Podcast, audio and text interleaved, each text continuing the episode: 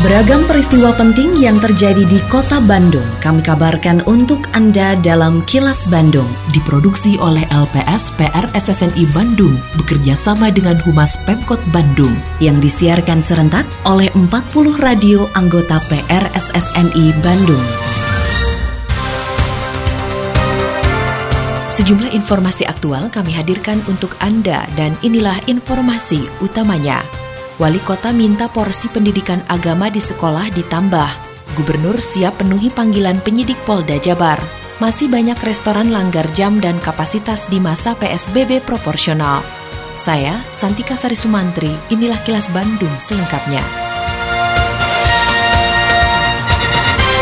Wali Kota Bandung Oded M. Daniel menyarankan agar kurikulum pendidikan agama di sekolah mendapat porsi lebih banyak dibanding pelajaran lainnya. Pasalnya pendidikan agama berkaitan dengan pendidikan akhlak atau karakter sehingga harus dikedepankan. Saat melantik Dewan Pengurus Daerah atau DPD Asosiasi Guru Pendidikan Agama Islam Indonesia Kota Bandung, Oded juga berharap para guru pendidikan agama di sekolah tidak hanya memberikan tambahan wawasan, namun turut memberikan pendidikan karakter dengan pendekatan spiritualitas kepada para murid. Oded menilai dewasa ini pendidikan karakter berlandaskan keagamaan terhadap murid harus digencarkan, sehingga sumber daya manusia yang dihasilkan tidak hanya memiliki kemampuan teknis, tapi juga diiringi oleh kecerdasan emosional dan spiritual. Arahan Oded, saya berharap pendidikan agama Islam itu punya porsi yang lebih dari pendidikan-pendidikan yang lainnya. Kenapa? Karena sungguhnya pendidik agama berarti pendidik dari sisi pembangunan moralitas ketika moralitas anak-anak didik, anak, -anak sekolah sudah berkualitas bagus, mudah-mudahan mereka menjadi calon-calon pemimpin yang punya kualitas.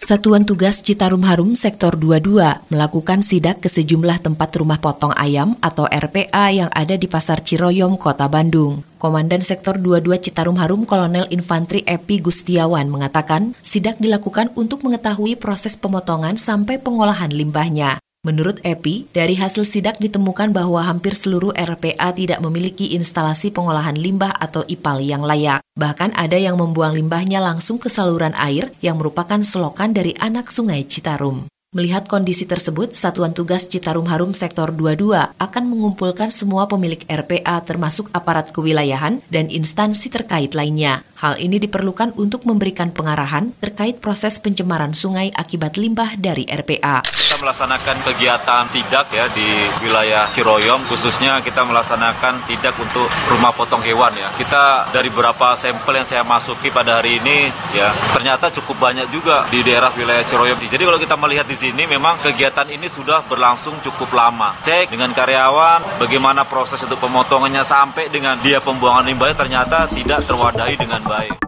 Gubernur Jawa Barat Ridwan Kamil siap memenuhi panggilan penyidik dari Polda Jabar terkait kasus terjadinya kegiatan di Mega Mendung Bogor beberapa waktu lalu. Polda Jabar menjadwalkan pemanggilan terhadap Ridwan Kamil pada Rabu 16 Desember mendatang. Ridwan Kamil menilai pemanggilannya tersebut tidak berbeda dengan pemanggilan sebelumnya di Bares Krim Polri. Dalam pemanggilan tersebut, ia akan menjelaskan sepenuhnya terkait peraturan gubernur, termasuk isi dari pergub tersebut. Namun yang pasti menurut Ridwan Kamil, kegiatan di Mega Mendung Bogor beberapa waktu lalu adalah mutlak kewenangan pemerintah Kabupaten Bogor. Sama aja seperti saya waktu ke Jakarta, normat. Karena urusan Mega Mendung kan hierarkinya ada di kabupaten. Berbeda dengan Jakarta yang langsung gubernurnya teknis, kalau di Jawa Barat teknis itu diurus oleh kota kabupaten dan kalau ada acara lokal itu tanggung jawab kota kabupaten secara lokal. Kecuali kegiatannya ada di perbatasan, kecuali kota kabupaten bendera putih tidak sanggup mengendalikan.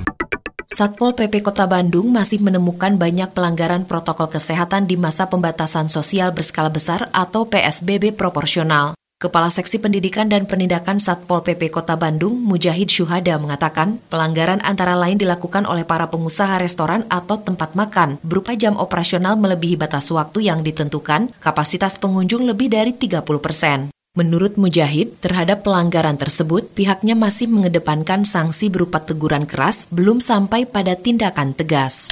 Jam operasional dengan ya kapasitas masih harus diinginkan gitu kan. Karena kan mereka sebelumnya AKB 50%, sekarang berubah 30%, jadi belum dikurangi lagi gitu. Tapi secara ini kita sudah inikan, nah kita tetap kita pantau lagi gitu. Kita masih ini ya, masih menjaga peringatan keras dulu gitu. Nanti kita pantau lagi, baru kita akan panggil, kita akan kenakan sanksi administrasi. Ya ada tadi daerah di Riau kayak gitu terus di Braga juga gitu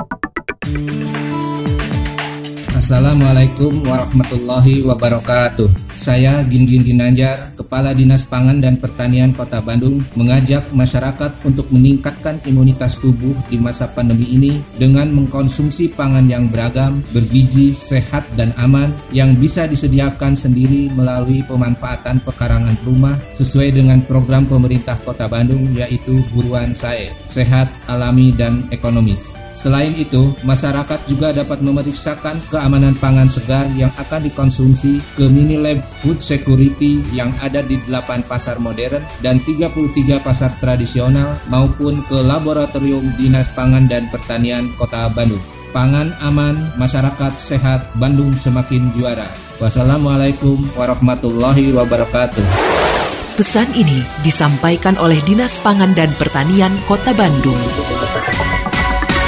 Sebagai upaya tetap meningkatkan aktivitas kegiatan selama pandemi COVID-19, Universitas Sangga Buana atau USB YPKP Bandung mengembangkan tanaman dengan sistem hidroponik di lingkungan kampus. Rektor USB YPKP Bandung, Asep Effendi, mengatakan, untuk tahap awal, pengembangan tanaman hidroponik dilakukan terhadap tiga varian, yaitu bayam hijau, bayam merah, dan kangkung. Menurut Asep, pihaknya melakukan pengembangan tanaman hidroponik di kampus juga untuk mengembangkan potensi ekonomi termasuk pemberdayaan mahasiswa dan dosen hidroponik ini ada dan hadir di Buana. Yang pertama adalah kami punya pemikiran di era pandemik tidak boleh ada aktivitas yang terhenti. Kita juga ingin membekali bahwa di depan sana ada usaha yang potensial dengan biaya yang sangat murah. Kita punya Direktorat Entrepreneurship ini untuk mengembangkan semua aspek potensi ekonomi termasuk pemberdayaan para mahasiswa dan para dosen.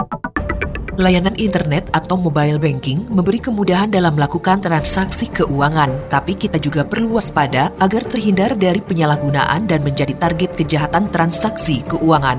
Berikut tips aman bertransaksi keuangan secara online. Jangan berikan PIN atau password kepada siapa pun, rutin mengganti PIN atau password agar terhindar dari peretasan. Gunakan jaringan internet yang aman dan pastikan logout setelah bertransaksi. Aktifkan dan selalu pantau notifikasi transaksi melalui SMS atau email. Jika ada yang mencurigakan, segera hubungi bank. Apabila ingin mengganti atau menjual ponsel atau komputer, pastikan jejak keuangan di perangkat yang lama sudah terhapus dengan benar. Pastikan mengunduh aplikasi atau mengakses internet banking pada situs bank yang resmi. Jika tiba-tiba tidak bisa menggunakan ponsel, segera laporkan ke penerbit kartu seluler untuk menghindari penggandaan SIM card.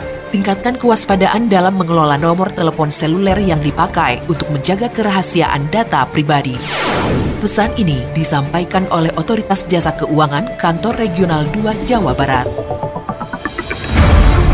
Kini, audio podcast siaran Kilas Bandung dan berbagai informasi menarik lainnya bisa Anda akses di laman kilasbandungnews.com.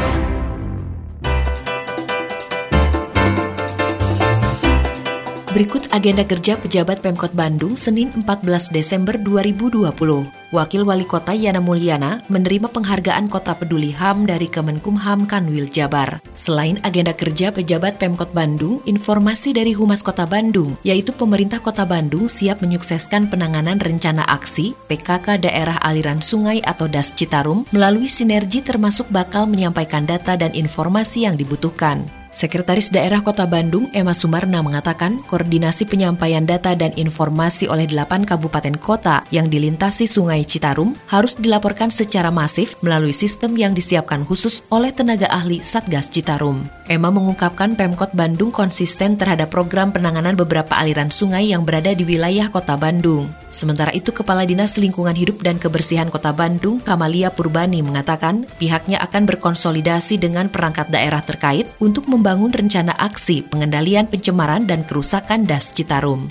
Demikian agenda kerja para pejabat Pemkot Bandung dan info aktual yang diterima redaksi LPSPR SSNI Bandung dari Humas Pemkot Bandung. Tetap patuhi protokol kesehatan di masa adaptasi kebiasaan baru untuk memutus penyebaran virus corona dengan selalu memakai masker, mencuci tangan dan menjaga jarak serta tidak berkerumun.